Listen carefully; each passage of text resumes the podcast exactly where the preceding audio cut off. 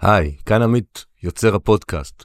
רגע לפני שנעבור לפרק החדש, יש לי שאלה. את המדריך החינמי שכתבתי בנושא הגדלת הכנסות אתם כבר מכירים?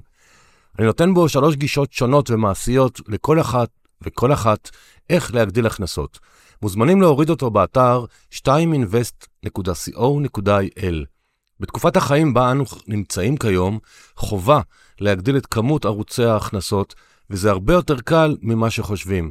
במדריך יש דוגמאות רבות ופרקטיות לכל גישה, והכי טוב זה לפעול בכולן כמו שאני עושה, וכל אחד יכול. להורדה בחינם באתר 2invest.co.il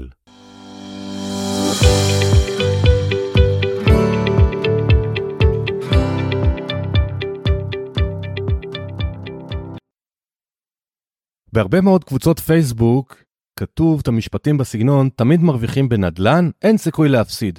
תגידי, זה נכון? זה באמת מכונת כסף ללא סיכון?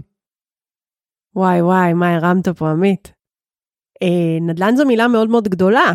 לאיזה נדל"ן אתה מתכוון?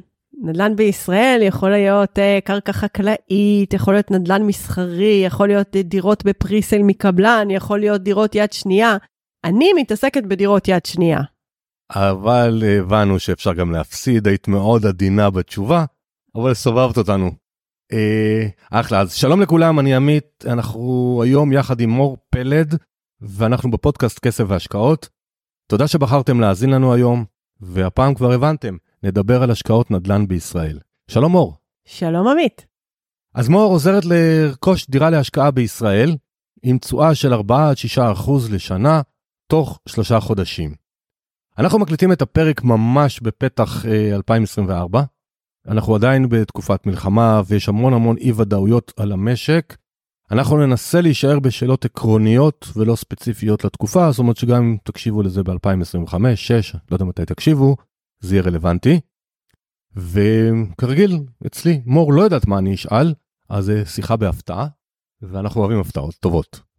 אז מור, אני רוצה להתחיל דווקא בשאלה מאוד אישית ולא נדל"נית, והיא, יש לך סיפור קריירה אה, מאוד מיוחד מבחינתי, ומאחר שפודקאסט שלי הוא מיועד גם לתת ידע, אבל גם לתת השראה, אני חושב שהתהפוכות הקריירה שלך זה סיפור יפה. ספרי לנו. בשמחה רבה. בעצם אה, כל החיים אה, כבת למשפחה רומנית אה, טובה, זאת אומרת ההורים שלי נולדו בישראל, אבל הרומנית מאוד מאוד נוכחת בחיינו. תמיד uh, גדלתי וידעתי שאני אהיה אדבוקט. לא היה אופציה אחרת. וידעתי שאני אלך ללמוד משפטים, ושהכל uh, היה מאוד מאוד מסודר. ובאמת למדתי משפטים ומנהל עסקים, ונורא נורא נהניתי מהלימודים, הם מאוד מרחיבי לב ונפש בעיניי, הם ידע מדהים לחיים. אבל משנה ב' התחלתי לעבוד במשרדי עורכי דין, וההבדל בין הפרקטיקה לבין התיאוריה, הוא היה די מבאס. אני לא בן אדם שרב, אני בן אדם שמוצא פתרונות, ולא מצאתי את עצמי שם. אבל עדיין, בגלל שבמשפחה אומנית חייבים לסיים, אז ימות העולם ורס מנמו, אני אסיים. ואז קיבלתי את התעודה. ואחרי שקיבלתי את התעודה, התעסקתי הרבה מאוד באיך להיות מאושרת.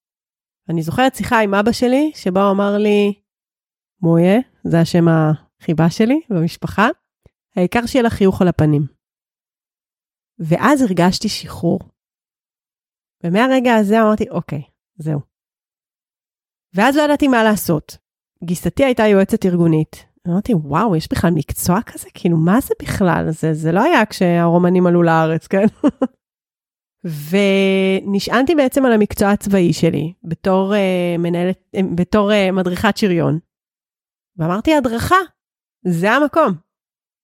ויום אחד uh, דפדפתי ככה, איך שהיינו בבנייני האומה, קיבלנו רישיון עריכת דין, אני זוכרת הופעה של שרית חדד, טי-טי-טי, כל האירוע הזה. מקבלים את הגלימה. יום אחד אני מדפדפת בעיתון, ואני רואה שחברה מנתניה מחפשת רכזת הדרכה. אמרתי, מה זה חברה מנתניה? אולי זה איזה מוסך, אולי לא יודעת מה. והלכתי למרכז הערכה באיקאה. אף אחד לא ידע אז מה זה איקאה, כן? אני מדברת איתך על הרבה מאוד שנים אחורה. וגם אני לא ידעתי מה זה איקאה. אגב, אנשים היו בשוק שאני לא יודעת מה זה איקאה, אבל זה סיפור אחר. ואחרי דרך חתחתים מאוד מאוד לא פשוטה התקבלתי לשם, כשנשענתי על המקצוע הצבאי שלי.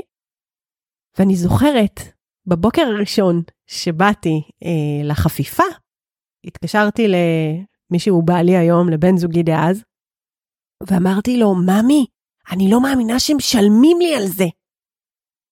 אני זוכרת את הסלוויישן הזה שאני אומרת, וואו, ככה זה כשאתה במקום שהוא שלך. וביליתי בעולמות האלה אה, הרבה מאוד שנים, יותר נכון 13 וחצי שנים. הגעתי לרמות הכי גבוהות, הייתי סמנכ"ל משאבי אנוש בסמסונג, הייתי מנהלת משאבי אנוש בטבע, עשיתי הרבה הייטק, אה, ופל, סרגון, המון המון מקומות, הייתי יועצת ארגונית בכירה בלוטם, ומאוד נהניתי.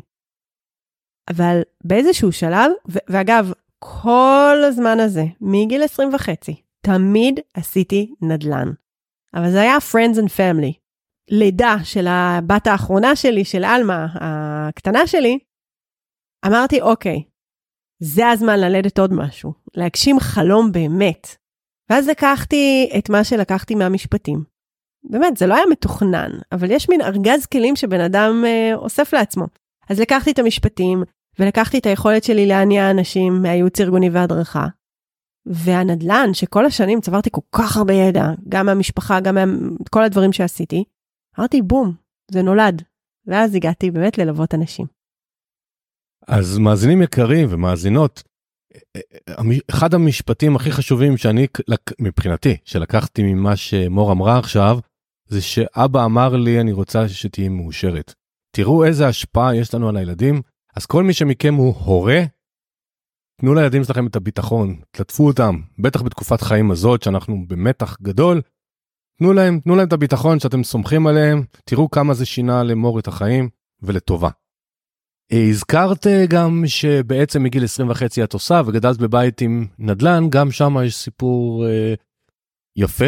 אז תספרי לנו אותו קצת בקצרה, כי אני רוצה שאנשים ייכנסו לאווירה ואנחנו לאט לאט נצלול לפרטים של היום יום. אחלה, אז uh, הכל בעצם מתחיל ב-1938.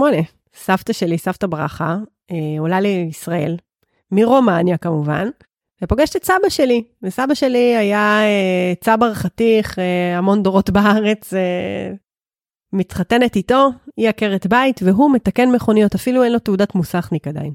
הוא מתקן מכוניות מתחת לסככה של רפת. סבתא שלי אמנם רק עקרת בית, במרכאות, אבל וואלה, הראש הג'ינג'י שלה עבד טו טו טו טו טו טו טו טו טו לא, לא, לא הפסיק לעבוד.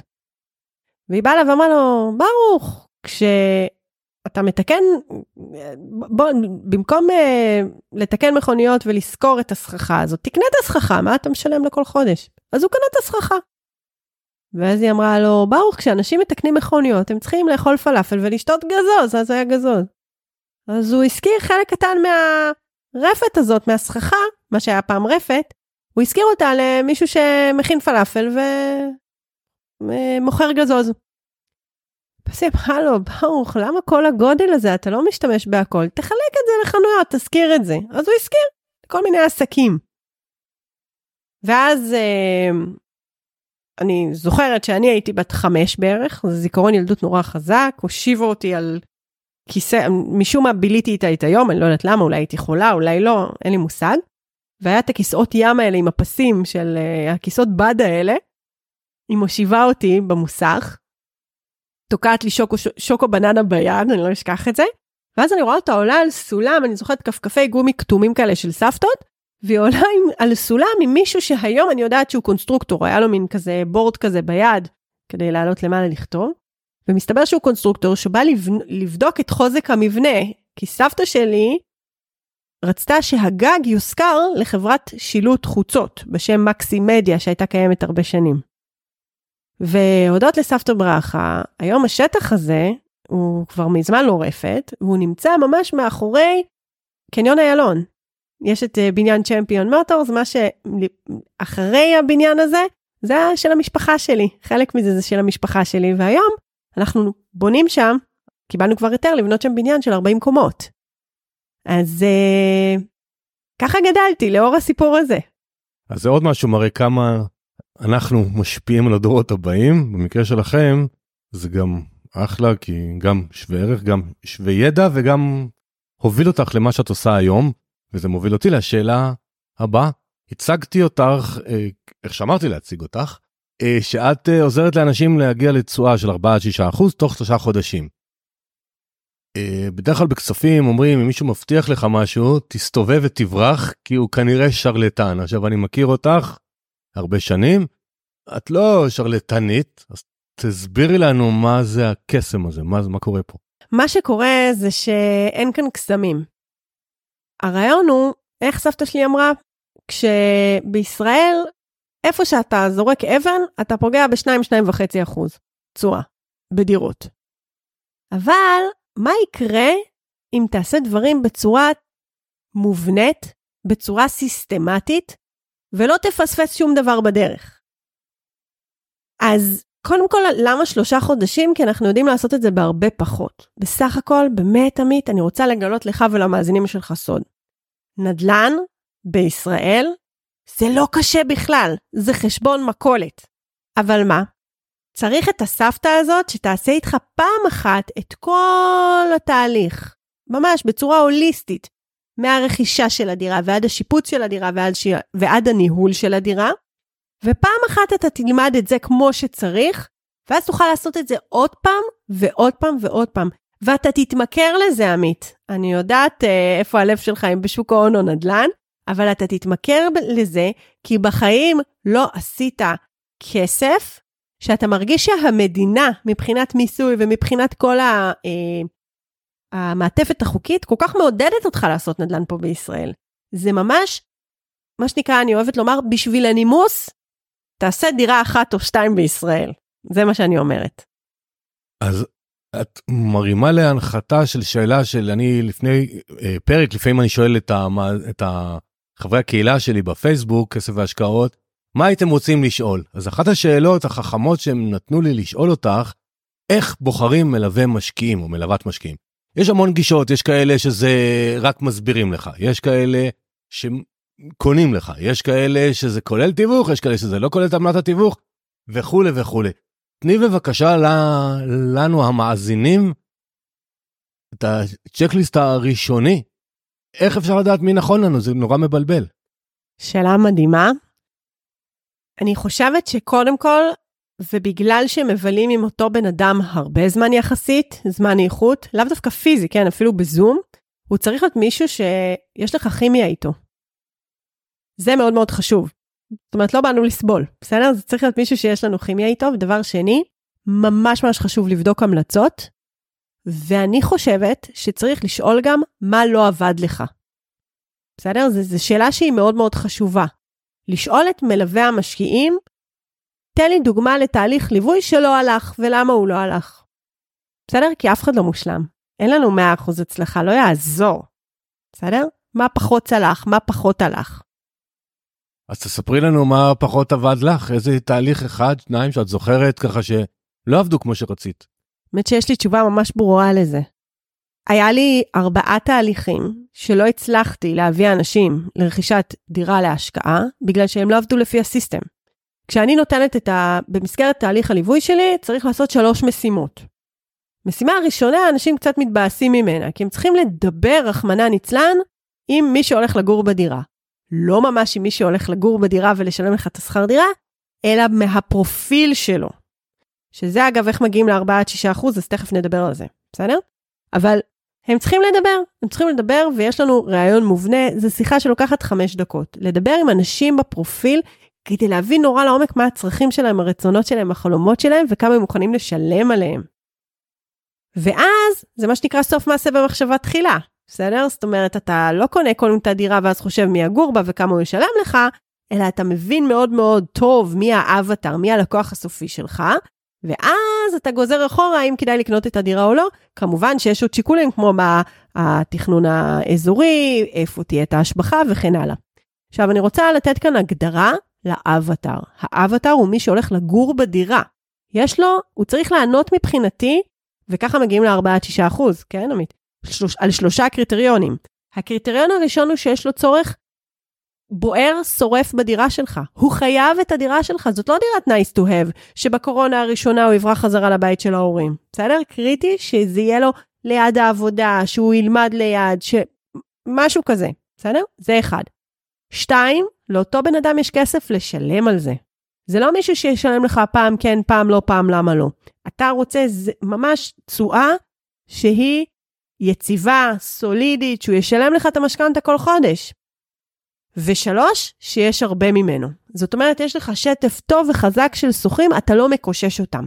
ברגע שיש לי מישהו שעונה על שלושת הקריטריונים האלה, אני יכולה להתקדם ולעשות את מחקר השוק שלי. זה מעלה את השאלה, מתווך, הוא נכס או נטל? המתווכים שעובדים איתי הם נכס. אבל uh, תראה, מקצוע התיווך, uh, באמת אין לו שם טוב. כאילו אנשים אומרים למה? אני חייבת לומר שפגשתי בכל השנים שלי גם מתווכים שהתבאסתי מאוד לשלם להם, ומתווכים ששילמתי להם באהבה ואפילו אקסטרה. כי מתווך טוב, באמת אבל טוב, הוא באמת יכול לפתור בעיות בעסקה. אז אני אומרת, איך, מה זה משנה איך קוראים לזה? מתווך, אה, לא משנה מה, ברור שאני רוצה לחסוך את הכסף, אבל אם הוא זה שבסופו של דבר, באקסל, יגרום לכך שמחיר הדירה יהיה נמוך יותר עבורי, או אני אקבל תנאים יותר טובים, מה אכפת לי איך קוראים לזה? שכולם ייקחו וייהנו. כל עוד זה מסתדר באקסל. אז את אומרת שהוא בעצם, במילים אחרות, שהוא נכס. כמובן, צריך לבחור, כמו המתו... שצריך לבחור מלווה משקיעים. נכון. כי, כי בעצם אמרת אה, לראיין והמלצות, אבל אני אומר, יש גישות לגמרי שונות ב, בליווי משקיעים. אז יש כאלה שהם עסוקים או מפחדים, רוצים שיעשו לי. יש כאלה שרוצים ללמוד, רוצים תלמדו אותי, כמו הגישה שלך. יש כאלה שלא יודעים מה הם רוצים. ו... ואז נורא מבלבל ההיצע של... שלך והקולגות שלך, כאילו, נכון. אדם לא יודע מה לבחור. לי יש שריטה נורא נורא מבאסת, וכל מי שיהיה אצלי אי פעם אה, עסקית בעסק שלי, נורא נורא כועס עליי, כי המודל העסקי שלי דפוק, אין לי לקוחות חוזרים. למה אין? כמעט ואין לי לקוחות חוזרים. למה? כי לי יש את היומרה ללמד, לי יש שריטה. אני חושבת שקיבלתי מתנה בחיים, שזה סבתא שלי ואבא שלי. קיבלתי עוד הרבה מתנות אחרות, בהרבה בני משפחה שאני לא אסתבך פה. אבל בהקשר הנדל"ני והכלכלי, קיבלתי את סבתא שלי, שהייתה אש ולהבה, ואת אבא שלי, שיהיה לי בריא עד היום, אה, והם אנשים שממש ממש מבינים. והם לימדו אותי, כי אף אחד אחר לא ילמד אותנו. אז אני לצד זה שאני כאן לא לשם שמיים רק, נכון? אנחנו כאן כדי uh, לגדול ולשגשג ולהבטיח את המשפחה שלנו. אני כאן גם כי אני צינור למשהו, ואני צינור להרבה מאוד ידע בתחום הזה. אני לא סתם יודעת נדל"ן, אני גם יודעת להזיז אנשים. ואני יודעת באמת באמת לשפר את האיכות חיים שלהם בקטע הזה. ולכן לי יש את היומרה ללמד. עכשיו, ברגע שהם עוברים אצלי תהליך ליווי, הם מקבלים פשוט את הכל. הם לא צריכים אותי יותר. אני תמיד שם, אתה יודע, אנשים שעושים את העסקה השנייה והשלישית, אם יש להם ככה, אתה יודע, שאלות קטנות וזה, אני שומרת תמיד כל, אני תמיד uh, שומרת על קשר, מה שנקרא, ועונה על שאלות קטנות, אבל הם לא צריכים אותי לתהליך ליווי מלא, וזה היופי. וזה גם הבעיה במודל הכלכלי שלי, אבל זה כבר uh, שיחה אחרת. אה, יש לי שירותי ייעוץ עסקי. יש עוד משהו ככה ברמת המקרו, אנחנו כל פעם נעלה בין מקרו למיקרו. יש ויכוח אינסופי שלא ייגמר לעולם, אני פשוט יודעת באיזה צד את, את כבר יודעת לנחש על מה, מה אני ממשיך? שוק הון מול שוק נדל"ן. לא, לא? ממש לא, את אוקיי. נדל"ן. הוויכוח בעולם התוכן שלכם, כן? לגור בבעלות או לגור בשכירות כל החיים. אה. באיזה צד את של המשוואה? אני קצת באמצע, אני אגיד למה. קודם כל, אני כל החיים גרתי בשכירות, ורק עכשיו, אה, אחרי שבאמת אה, הרבה שנים שצברנו נכסים ועשינו את כל מה שעשינו, אנחנו בונים בית, ואנחנו בונים בית כי יש לו איזושהי הזדמנות מיוחדת בקיבוץ שבו אנחנו גרים, ואנחנו מאוד רוצים לגור בקיבוץ, וזאת הדרך שלנו להישאר בקיבוץ. זו גם הזדמנות נדל"נית יפה, אבל זה לא, לא נעשה בשביל זה. אבל, אם זה לא היה, הייתי ממשיכה לגור בשכירות וגורמת לכסף שלי לעבוד. כי ברגע שאתה גר uh, בבית, אז uh, אז, אז זו הוצאה, וזאת לא השקעה, והכסף לא עובד. אני כן, בתור אימא לשלושה ילדים, כן מבינה את החשיבות של הישארות במקום אחד, אה, ויציבות אה, לילדים, והרבה מאוד דברים. אבל אני חייבת לומר לך משהו ברמה האישית כאן, אה, לך ולמאזינים שלך. אחרי שבאמת חצי מדינת ישראל מפונה וכל מה שקורה עכשיו, חייבת לומר לך באמת, באמת, באמת, אני מרגישה שהבית שלי הוא איפה שהמשפחה שלי, לא הבית הפיזי. זה תמיד נכון גם בתקופות שלום, אבל בעצם אם אני לא מזקק את מה שאמרת אה, למאזינים שיקשיבו לזה ב-2027, אה, שיהיה שלום ו... אמן. ונאכל חומוס בדמשק וכולי, את אומרת תנו לכסף שלכם לעבוד, תצברו מספיק הון עצמי שביום שתקנו את הנכס למגורים, עדיין יהיה לכם מספיק כסף אחר. כאילו, כי זה, אם אני מבין נכון, את אומרת, צברנו נכסים, אנחנו בתא המשפחתי שלנו, עכשיו אנחנו בונים, גם כי יש הזדמנות, גם כי בא לנו, וגם יהיה מספיק דברים שיעבדו עבורנו. נכון, וגם אני חייבת לומר שכשיש לך ילדים, זה שוב, תלוי באיזה מצב אתה בחיים, כשיש לך, באיזה שלב אתה בחיים, אבל כשיש לך ילדים, וזה, אני לפחות אחד הדברים שאת הבן זוג שלי ואותי מניעים מאוד, זה הנושא של החינוך. אז רצינו מאוד לגור בקיבוץ כדי לקבל קיב... חינוך קיבוצי, ועברנו לשם, ואלמלא הדיל... הפרויקט הזה שנכנסנו אליו בקיבוץ, זה, זה טירוף לקנות בית בקיבוץ במרכז הארץ, זה מיליונים על מיליונים של שקלים. והייתי חיה בשכירות נפלא, במקרה הזה. יופי. אני רוצה לעבור לעוד נושא מאוד מדובר אה, כיום, שני נושאים, נתחיל בראשון. המון המון אה, עסקאות פרי-סייל מציעים, כלומר, אני אגיד את זה למאזינים שפחות מכירים, במילים שלי, לא הכי מקצועיות. יש מודעות או פרסומים, 20-80, הכוונה, תשלם לנו עכשיו 20 אחוז, 80 אחוז נגיד באכלוס, צמוד, לא צמוד, כל מיני דברים כאלה. זה עוזר לפעמים תזרימית וכולי. אז אני רוצה לשמוע את דעתך המקצועית, כי אני הסברתי את זה ממש במקרו, אה, במילים פשוטות. Okay. אוקיי. אה, מה דעתך על הגישה הזאת, למי זה עשוי להתאים, למי זה לא מתאים, מה, מה הקאצ'ים לשים לב שם? בטח. אה, אז קודם כל גם אני ממש ממש אשמח לתת לך ולמאזינים, אם תוכל לשלוח להם או לשים לינק מתחת לפרק לזה, לקובץ ממש ממש טוב שהכנתי, צ'קליסט. אז תשלחי ונשים את זה בתיאור הפרק, בשמחה. בטח, בטח. זה צ'קליסט לרכישת אה, דירה מקבלן, כל השאלות שצריך לשאול אה, בפגישה כזאת. אני רוצה לומר משהו, אני חושבת שהיום, אה, אני אסביר את הסוגיה, היום יש הרבה מאוד קבלנים שאומרים שים חמישה אחוז עכשיו מערך הדירה, ו-95 אחוז, אתה היית מאוד עדין, כן? אתה, זה מאוד 2022 מצידך. לא, זה, זה, זה דברים שנראה לי יותר כן. מדי חשודים, בלי שאני מבין. ממש. החמישה אחוז, אז כן. אני רוצה להישאר ב-20. ב-20, כן. אז ממזמן, מה-20 אחוז הון עצמי, ירדו כבר ל-5 אחוז הון עצמי, וגם סיפרתי לך על, אה, אתמול דיברנו זה, סיפרתי לך על פרויקט ש-100 אחוז אה, מימון, אה, וזה נשמע נורא נורא מפתה. אבל צריך להבין שהיום אנחנו דצמבר, סוף דצמבר 2023, הקבלנים במצב מאוד מאוד מאוד קשה. הקבלנים במצב קשה כי הם אחרי שנה של ריבית גבוהה, כל ההלוואות והמינוף שהם לקחו כדי לקנות קרקעות ולבנות עליהם, בעצם התייקר ב-6 אחוזים, זה מטורף במספרים גדולים, מה המשמעות של זה? והם הגיעו לערב מלחמת חרבות ברזל, הם הגיעו חלשים, והמלחמה הזאת עוד יותר הורידה אותם על הברכיים. מה שזה אומר, זה אומר שאם הפרויקט יצלח, אז קיבלת באמת, אה, אם הקבלן יחזיק מעמד עד סוף הפרויקט ויסיים לבנות אותו, קיבלת אחלה של דיל. שמתי 5% ושילמתי 95% רק עם אה, קבלת טופס 4. אבל אם הקבלן ייפול, כי הכל מאוד רגיש, הוא חייב את הכסף, אתה מבין שאם הוא חייב את הכסף, זה אומר שהוא לא קבלן יציב, זה מטורף. קרוב ל-700 עסקים בתחום הבנייה, שנייה לפני פשיטת רגל. זה נורא מסוכן. אבל בתקופה רגילה, נעזור רגע תקופה עוד פעם, עוד פעם, ב- בוא נקפוץ ל-2027, נהיה אופטימי. בתקופות רגילות אין הצעות כאלה? את אומרת הצעות של פריסל מציעים רק בתקופות אה, בעייתיות? זה לא יכול להיות גם בתחילת פרויקט שפר... בתקופה טובה שהקבלן רוצה להראות לבנקים מכרתי כמה דירות כי אני זוכר שגם לפני כמה שנים ראיתי את זה לא רק בתקופות קשות. תמיד יש פריסיילים בסדר עכשיו זה גם לא רק לפריסייל זה לדירות כאלה כבר כשנבנות ופשוט רק צריך לעשות להם את הפינישים והם רוצים להיפטר מהמלאי. לקנייה מקבלן תמיד יש בסיכון קנייה שהיא אה, יד שנייה שזה מה שבדרך כלל אני עושה גם קניות אה, קצת של קבלן אבל אני בעיקר מתרכזת ביד שנייה כי זה שוק נורא נורא נורא שמרני. הדירה כבר שם, היא ממשית, טנג'בילית, אתה מרגיש את האיטונג בידיים שלך, ואתה לא תלוי באף אחד כדי לממש את הדירה, כדי למכור אותה. אם חס וחלילה אתה נקלע, אתה יודע, חיים משוגעים, נקלע לאיזשהו צורך להפוך דירה לנזילה. אגב, עוד מיתוס שתמיד אומרים זה שדירה זה לא נזיל. חבר'ה, תוך שבועיים אפשר למכור דירה במחיר השוק שלה יפה מאוד. אתה רק צריך לעשות את זה בצורה מקצועית. בסדר? זה כן, בנפרד. כן, אבל אם השוק יורד, אז זה יהיה מחיר שוק, אבל מוכר שוק ירידה. צריך ירידה. לקנות במקומות שבהם, אני רוצה לומר לך שעם כל הקורונה ועם כל ה, אה, אה, המלחמה והשנה הקשה שהנדל"ן עבר, במקומות שאני משקיעה בהם לא הייתה ירידת מחירים. אני לא רואה ירידת מחירים. אני כן יודעת על מקומות פריפריאליים מסוימים שהיו בהם ירידות מחירים. אבל למה אין שם ירידת מחירים? כי זה שוק אמיתי. בסדר? היצע וביקוש אמיתיים. הבנתי.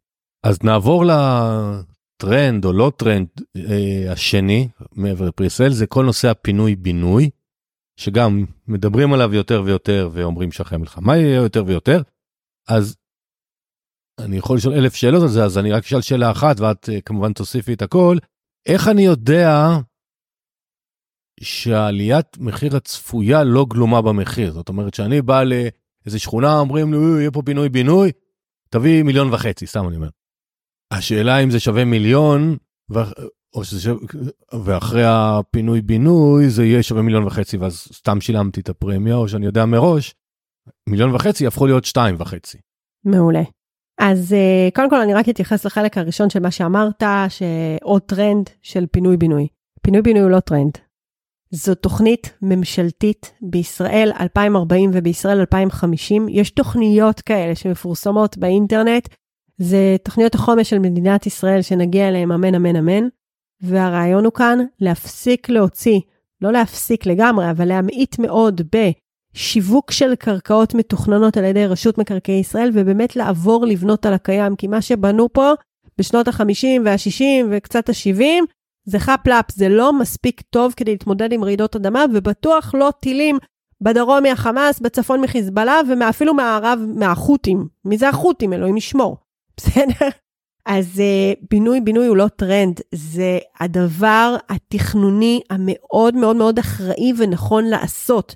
יש כאן חשיבה תשתיתית שהיא לא אופיינית למדינת ישראל, אז זה קודם כל. עכשיו השאלה הממש חזקה ששמת פה זה איך אני יודע שעליית המחירים, ש- שהמחיר שאני משלם עבור הדירה שתלך לפינוי-בינוי לא מגלם. אז שאלה מעולה. מה שאנחנו צריכים לעשות זה ניתוח עסקאות של מה היה לפני כמה שנים, לפני שבכלל התחילו את כל הנושא של הדיבורים על פינוי-בינוי. אם למשל עכשיו החתימו אותם, את האנשים, אז בואו נראה מה קרה כאן בשלוש שנים קודם מבחינת המחירים. אז זה קודם כל. מלווה משקיעים שמתמחה באזור מסוים ידע לומר לך, אה, כמו שמש בצהריים, מה המחיר הנכון של הדירה. עכשיו, מתי המחיר של הדירה מתחיל לעלות כתוצאה מתהליך הפינוי-בינוי? ממש לא כשהיא כבר מוכנה, ממש ממש לא, הרבה לפני. כל שלב, יש עשרה שלבים לפינוי-בינוי, כל שלב שבו מתקדמים, כמעט כל שלב מגלם עליית מחיר. הרעיון הוא והחוכמה היא ללכת לשלב שמצד אחד הוא לא מוקדם מדי ואז זה מאוד ספקולטיבי, אלא לשלב שבו יש לך איזושהי ודאות שמישהו השקיע כסף, שמישהו השקיע את הזמן, שלמישהו מאוד מאוד אכפת להזיז את הפרויקט קדימה.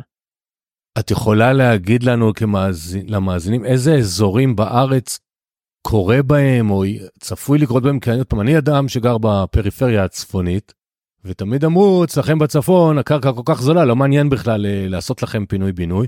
אז בקריות אני כן רואה קצת, אה, כי אני יליד הקריות, אני היום גר ליד כרמיאל, ביישוב בשם רקפת, שזה יישובים פרטיים, אבל uh, אני לא רואה למשל בכרמיאל, אני רואה בונים שכונות חדשות. נהריה היה תקופות שאמרו יהיה, ולא, אני, עוד פעם, אין לי מושג מה קורה בפרקטיקה, עכו בונים בנייה, אני לא רואה יותר מדי פינוי-בינוי, למרות שיש שם בנייה ישנה. אז האם זה נכון שביישובים פריפריאליים לקבלן לא משתלם בסוף, או שזה גם איזה מיתוס? זה נכון מאוד מה שאתה אומר, אבל אני אשים כאן כוכבית, זה נכון מאוד עד למלחמת חרבות ברזל.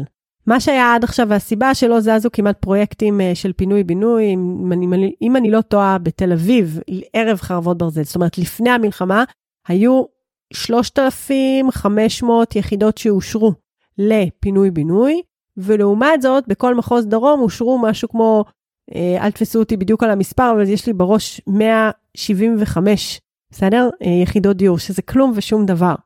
עכשיו, אה, למה אני אומרת את זה?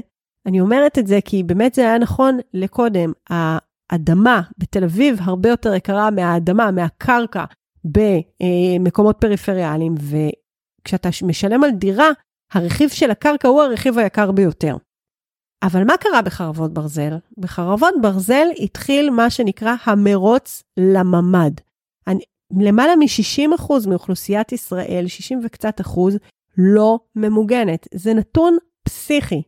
ואנשים התחילו לעזוב דירות שהן לא ממוגנות וללכת לדירות ממוגנות, כי הם מבינים שממ"ד הוא דבר קריטי לאיכות חיים שלך וליכולת שלך להמשיך בשגרת החיים שלך למרות המלחמה ולצד מלחמה, צריך לומר.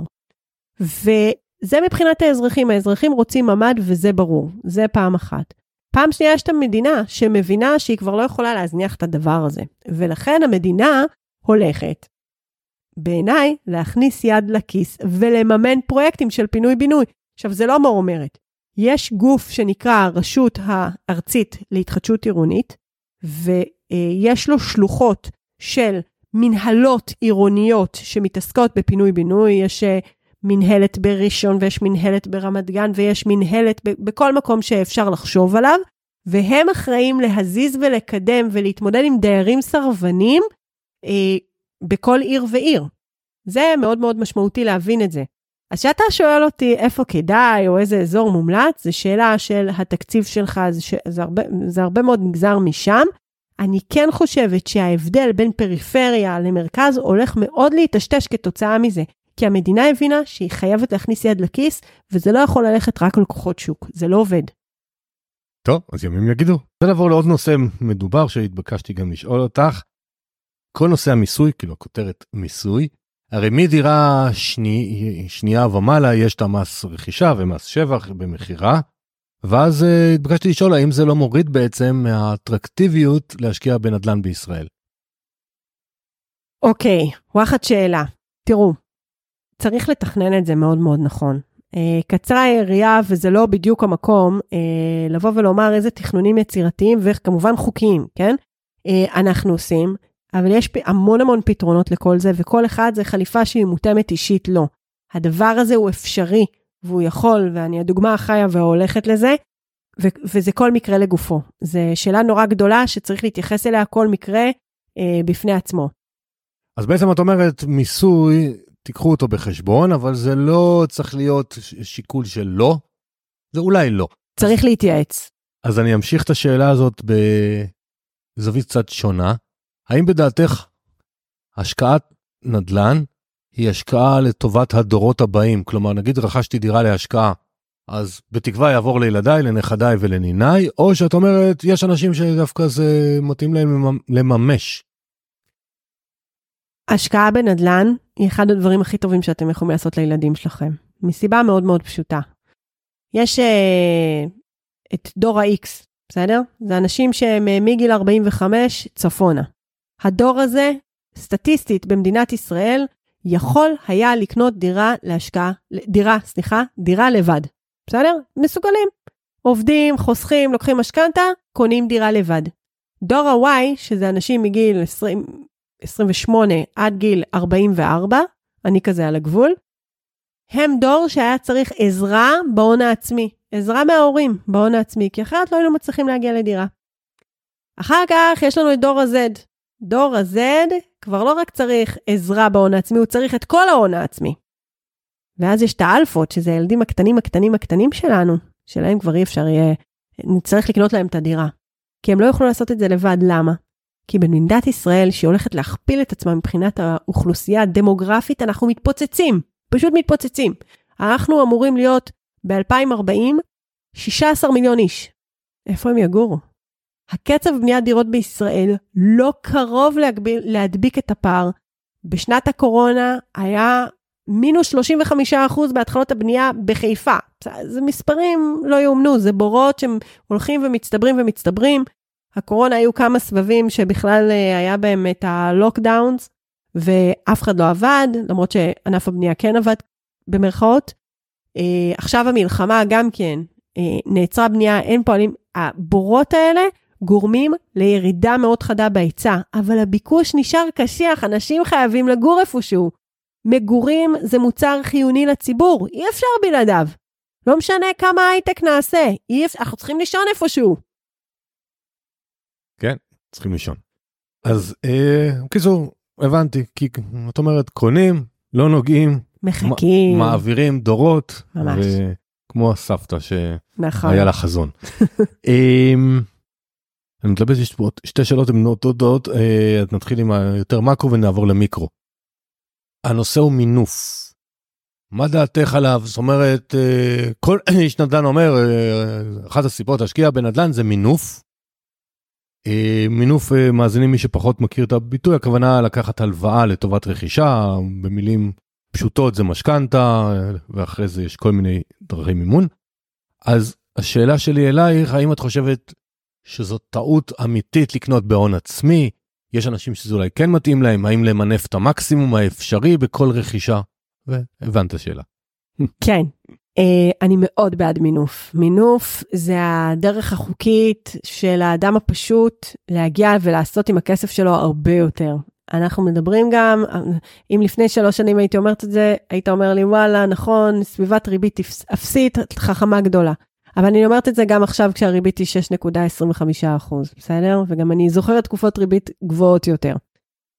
למה זה הדבר אה, הכי חכם לעשות? תסתכלו על אה, הטייקונים בשוק, בסדר? אה, נוחי דנקנר, אה, רמי לוי, כולם ממונפים. הם משתמשים בכסף, זה נקרא using other people's money, בסדר? משתמשים בכסף של אנשים אחרים, או משתמשים בכסף של הבנק כדי לעשות הרבה יותר עם הכסף שלהם, כדי לגרום לו לעבוד. ברגע שאתה משחק, קונה, שם הון עצמי קטן, ולוקח משכנתה ומשתמש בעוד כסף שיש לך כדי לעשות עוד דירה ועוד דירה ועוד דירה, אמנם את המשכנתה החודשית הבנק בעצם לוקח לך, בסדר? או אתה לוקח שכר דירה, חלק משכר הדירה הולך למשכנתה, אבל עליית הערך היא ב-100% שלך, ועליות הערך הן מטורפות בישראל. יש לי דירות שהכפילו את ערכן, הכפילו את ערכן. אבל... כל מה שצריך זה לחכות.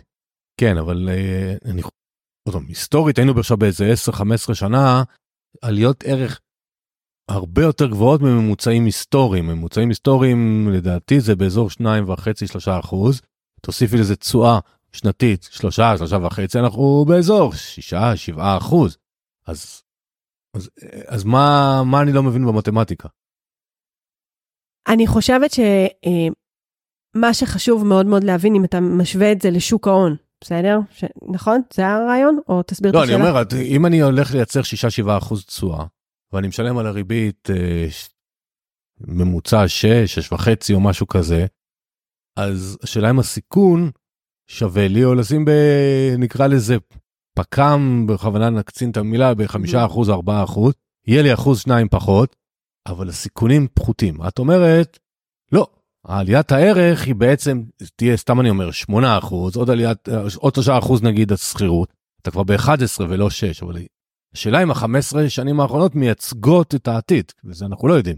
אז תראה אני 24 שנה מאז שאני עומדת על דעתי ונמצאת בשוק הזה ואם uh, לוקחים במצטבר גם את הניסיון של אבא שלי וסבתא שלי 75 שנה ניסיון הם מדברים מגרוני כרגע בסדר כי אני באמת חיה את השיעורים שהם לימדו אותי. קודם כל שאלה אליך ושאלה למאזינים שלך, לא חייבים לענות uh, באמת. אתה מכיר מישהו שהחזיק דירה יד שנייה והפסיד? אמרת לו לענות, אבל לא יענה. אוקיי. רוב האנשים, 100% מהם, אומרים לא. הם כן מכירים אנשים שהפסידו בקרקע חקלאית, מכירים אנשים שהפסידו בנדלן מסחרי, אבל נדלן יד שנייה, חבר'ה, נדלן יד שנייה, דירה טנג'בילית, טנג'בילית זאת אומרת ממשית, שאפשר, אה, שהיא שלך, שאתה לא תלוי בקבלן שיסיים אותה, לא מכירה בכל שנותיי, ומגרונים מדברים גם אה, אבא שלי, שיהיה לי בריא, וסבתא שלי עליה השלום, לא מכירה בן אדם שהפסיד בדירה, זה דבר ראשון. ודבר שני, אני אענה לך דווקא מהזווית של בנק, בסדר? עם הסיכון ו- וכל זה. אה, בנק מוכן לתת לך כסף כדי להשקיע בשוק הנדל"ן.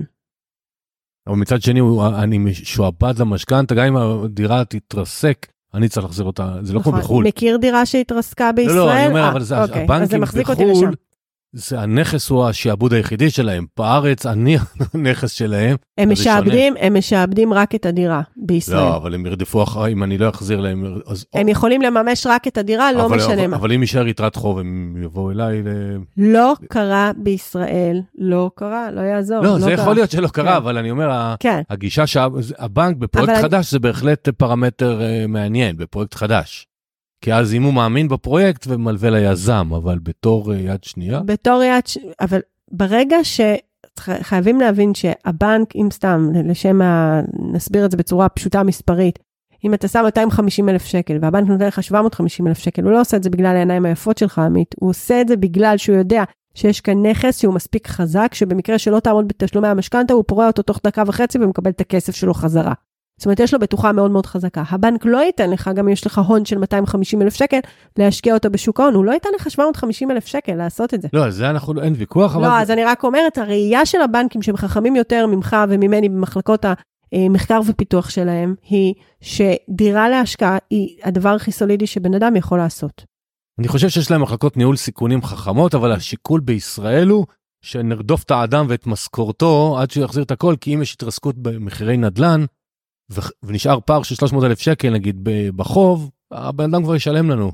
והמעט בסטטיסטיקה שלהם, המעטים שלא ישלמו, זה באמת זנב פחות מטריד. חייבת לומר ש... כן. אני רוצה להמשיך את השאלה כן. הזאת מכיוון הזאת, אני זורם איתך. Mm-hmm. אין על מינוף, רק מינוף וככה צומחים. רגע, שנייה, שנייה, אוקיי. שנייה. Mm-hmm. אני, אני אעזור לך עם השאלה ואז תעני על הכל. יש מצבים שאנשים נכנסים לתזרים שלילי בהשקעה, האם, השאלה היא, אה, תזרים שלילי הכוונה מאזינים, זאת, נגיד שאני קונה דירה להשקעה ומשכיר אותה ב-3,000 וההחזר שלי הוא 4,000, אז בעצם 1,000 שקל כל חודש אני צריך להוציא מהכיס, זה הכוונה בתזרים שלילי בהשקעה. מה דעתך, האם ולמי זה עשוי להתאים גם בתזרים שלילי? אז אני אומרת שלתזרים שלילי עשו יחסי ציבור ממש גרועים, ואני רוצה רגע להפוך את התמונה ולומר, האלף שקל האלה שתוציאו אה, מהכיס כל חודש, אני לא מזלזלת בשקל, ויש אה, אנשים שזה מאוד מאוד חשוב להם, והם לא יכולים לעשות את זה. אבל מי שכן יכול להרשות לעצמו, זהו חיסכון כפוי. תחליפו את המילים תזרים שלילי במילים חיסכון כפוי. כן, זה פחות שתי מסעדות בחודש לכל המשפחה, כן, זה יבטיח את העתיד של המשפחה הזאת. נכון זה הרבה יותר עושה חשק עכשיו לעשות את זה? אל תכחיש. No comment. לא, כי אני חושב, אני אגיד לך למה אני לא עונה. כי הדוגמה שנתתי היא הפשוטה של אלף שקל, אבל אני חושב שיש בישראל, אני רואה את זה מדי פעם, אנשים עם עיניים גדולות, לא עושים אקסל כמו שצריך, ופתאום שהעלו להם את המשכנתה, את הריבית, מ-0.1 כן. ל-4.75, אז הם באים בטענות לכל העולם, כי הם קנו דירה בשמונה רמות מעל מה שהם יכולים להרשות לעצמם, ואז התזרים השלילי מוריד איכות חיים. כן. והמסר שאני כאילו לפחות, לכן העליתי את השאלה הזאת, מה שמרק מנסה להגיד לנו כל הזמן, תבינו מה אתם עושים, תעשו אקסל ותיזהרו. חד משמעית, בכל תהליכי הליווי שלי, מכיוון שאני צינור להעברת uh, טוב ולשיפור חיים של אנשים, זה כבר uh, דיברנו במסגרת אחרת. הדבר הראשון שעושים זה נפגשים עם uh, יועץ כלכלי, והיועץ הכלכלי הזה שהוא גם איש משכנתאות, או אשת משכנתאות, יש לי שניים, בעצם מה שהוא עושה, הוא בודק שהמשפחה הזאת, זה הולך להטיב את מצבה ולא חס וחלילה לסכן אותה בכל מיני תרחישים. רק אחרי, זאת הפגישה הראשונה ובכוונה, כי אני לא אתחיל לעבוד עם מישהו שאני הולכת להרע את מצבו, אלא רק להטיב. רק אחרי זה אנחנו יוצאים, מה שנקרא, לתקוף ביחד. סבבה. תני לנו בבקשה שלוש טעויות נפוצות שאת רואה במשקיעי נדל"ן כאישה שב-24 שנים כבר בטוח ראית כל מיני טעויות. לא של לקוחות שלך כמובן. אה, מה, מה, בואי נעזור למאזינים להיזהר. הטעות הראשונה והכי הכי בוטה שאני רואה זה שאומרים אני אקנה דירה להשקעה ואני מקסימום ישכיר אותה, או אני אקנה דירה להשקעה ואני מקסימום יגור בה. Uh, זה מה שנקרא, יש באנגלית משפט שנקרא לקפוץ על סוס ולרכב לכל הכיוונים. אתה לא מרוצה לא מזה ולא מזה. אם אתה רוצה לקנות דירה למגורים, קנה דירה למגורים שתענה על כל הפנטזיות שלך ועל כל הרצונות שלך. ואם אתה רוצה לקנות דירה להשקעה, זה אופרה אחרת לחלוטין. אני, בכותרת שלי, לא עוזרת לאנשים לקנות דירות למגורים, אני עוזרת לאנשים לקנות דירות להשקעה, כי זה ראש אחר לגמרי. גם ברמת השיפוץ, איך מכניסים שקל ומוציאים שלושה. גם ברמת ההשקעה, מי הולך לגור בדירה, זה ממש לא אתה. אז זאת הטעות הראשונה הנפוצה ביותר.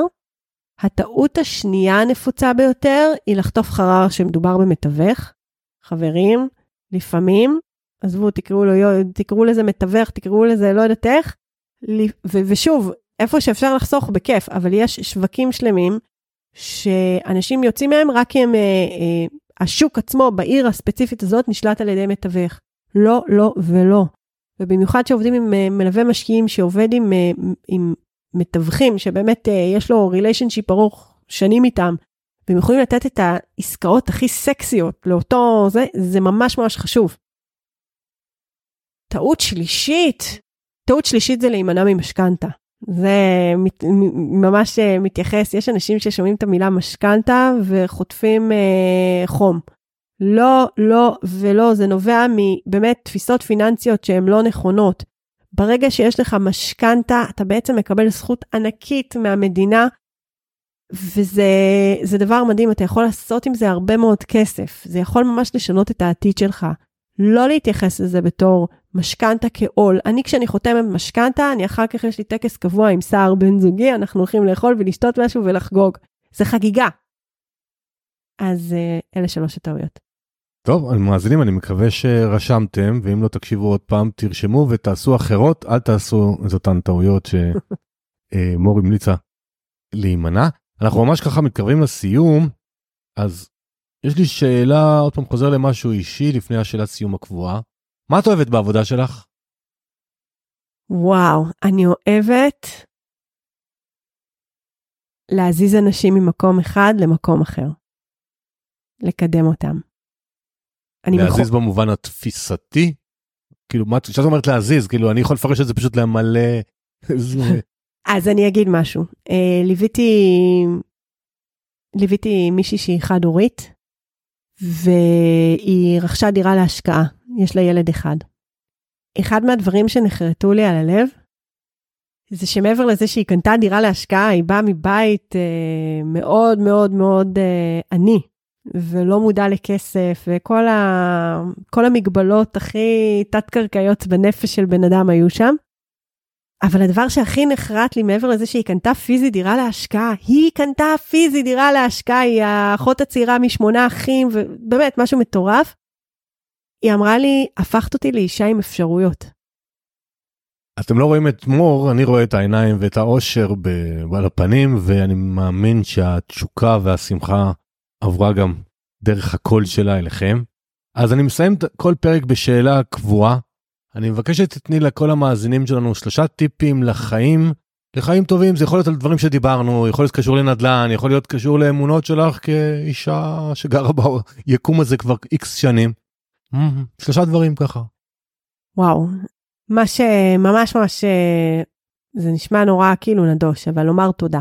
אבל תודה באמת. אגב, כשאני כותבת את התודות שלי כל בוקר, אני לא רק כותבת uh, סתם תודה על הבת שלי, אלא אני אומרת תודה על הבת שלי, כי טה-טה-טה-טה, כדי שזה לא יהפוך לאיזה מין uh, רשימת מכולת כזאת, אלא כי אני רואה בה משהו שאני מודה עליו, וזה משתנה מיום ליום, זאת אומרת, להפוך את זה לרשימה משמעותית. בחיי שזה הופך את הדיסקט של החיים שלך, ואתה רואה את הדברים בצורה אחרת לגמרי. אה, דבר שני, איזו שאלה גדולה, עמית, וואו. נכון, אה, לא, כן. מה שעולה באינטואיציה. מדהים. הדבר השני שאני ממש ממש אה, חושבת שהוא משמעותי, לעשות את מה שאוהבים, באמת. למצוא אותו, את המקום הזה שעושה לך טוב. אני חושבת שזה לא חייבת להיות תשובה אחת. אני חושבת שאני את החיים שלי חייתי, אני חיה אותם כמסע. כי זו כבר קריירה שלישית, והכל מתחבר והכל, ואני יכולה לתת הרבה יותר למשקיעות ולמשקיעים שלי בגלל מי שאני מביאה. ודבר שלישי זה, תהיו טובים, אני באמת אין לי משהו אחר אה, לומר, תקיפו את עצמכם באנשים טובים, אל תסבלו מישהו שהוא לא טוב בסביבה שלכם. ככל האפשר, אנחנו לא יכולים לשלוט בזה, ותהיו עצמכם טובים ומיטיבים עם הסביבה. אין לי, זה באמת מה שאני חושבת. אחלה. אז אני רוצה רגע להרחיב את מה שאמרת, לעשות מה שאוהבים. יש עולם אפשרויות רבות, זאת אומרת, מה אני מתכוון? יכול להיות שאתם תעבדו בשביל פרנסה בעבודה מסוימת שאולי לא גורמת לכם איזה היי גדול, אבל תעשו מה שעושה לכם טוב באחרי שעות עבודה, איזשהו חוג, תחביב, יום בשבוע, משהו, תשלבו את הטוב שעושה לכם נעים, מרגיע את הנפש. אז יכול להיות שכמו שזה נקרא, כסף ייכנס ממקום א', אבל הנשמה תמיד צריכה איזשהו איזון, ובעצם מה שמור אמרה לנו זה שלושה דברים שקשורים לנפש יותר, לאיזון בחיים, זה להכיר תודה, לעשות מה שאוהבים, להיות טובים, ואז יהיו טובים אלינו, ואז גם הכסף יגיע. אז תודה רבה מור. תודה לך, היה ממש כיף. אני נהניתי. אה, בתיאור הפרק אה, יש לכם את כל פרטי הקשר למור, אה, תוכלו ליצור את הקשר, ומי שיגיד שהוא בא דרך כסף והשקעות גם יזכה להנחה. ותודה לכם שהאזנתם לנו, ואנחנו מקווים שקיבלתם מלא ערך, ונשתמע בפרק הבא. תודה, רבה.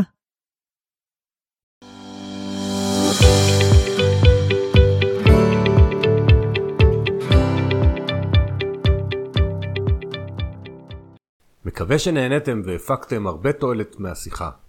לקבלת עוד ידע פיננסי פרקטי בשוטף, אני מזמין אתכם להצטרף אליי למועדון כסף והשקעות. במועדון צומחים פיננסית באופן פרקטי, יחד עם קהילה מיוחדת המורכבת מאנשים כמוך. המחפשים ידע מעשי, רעיונות, דרכים ליישום ואנשים להתלבט איתם.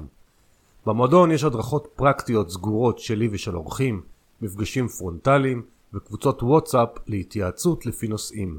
לפרטים והרשמה באתר 2invest.co.il אני מחכה לכם במועדון עם למעלה מ-100 חברים שכל חודש מתקדמים ונהנים לראות את הכסף שלהם עובד בשבילם. המשך הצלחה ואשמח שתצטרפו אליי 2invest.co.il ואנחנו ניפגש בפרק הבא.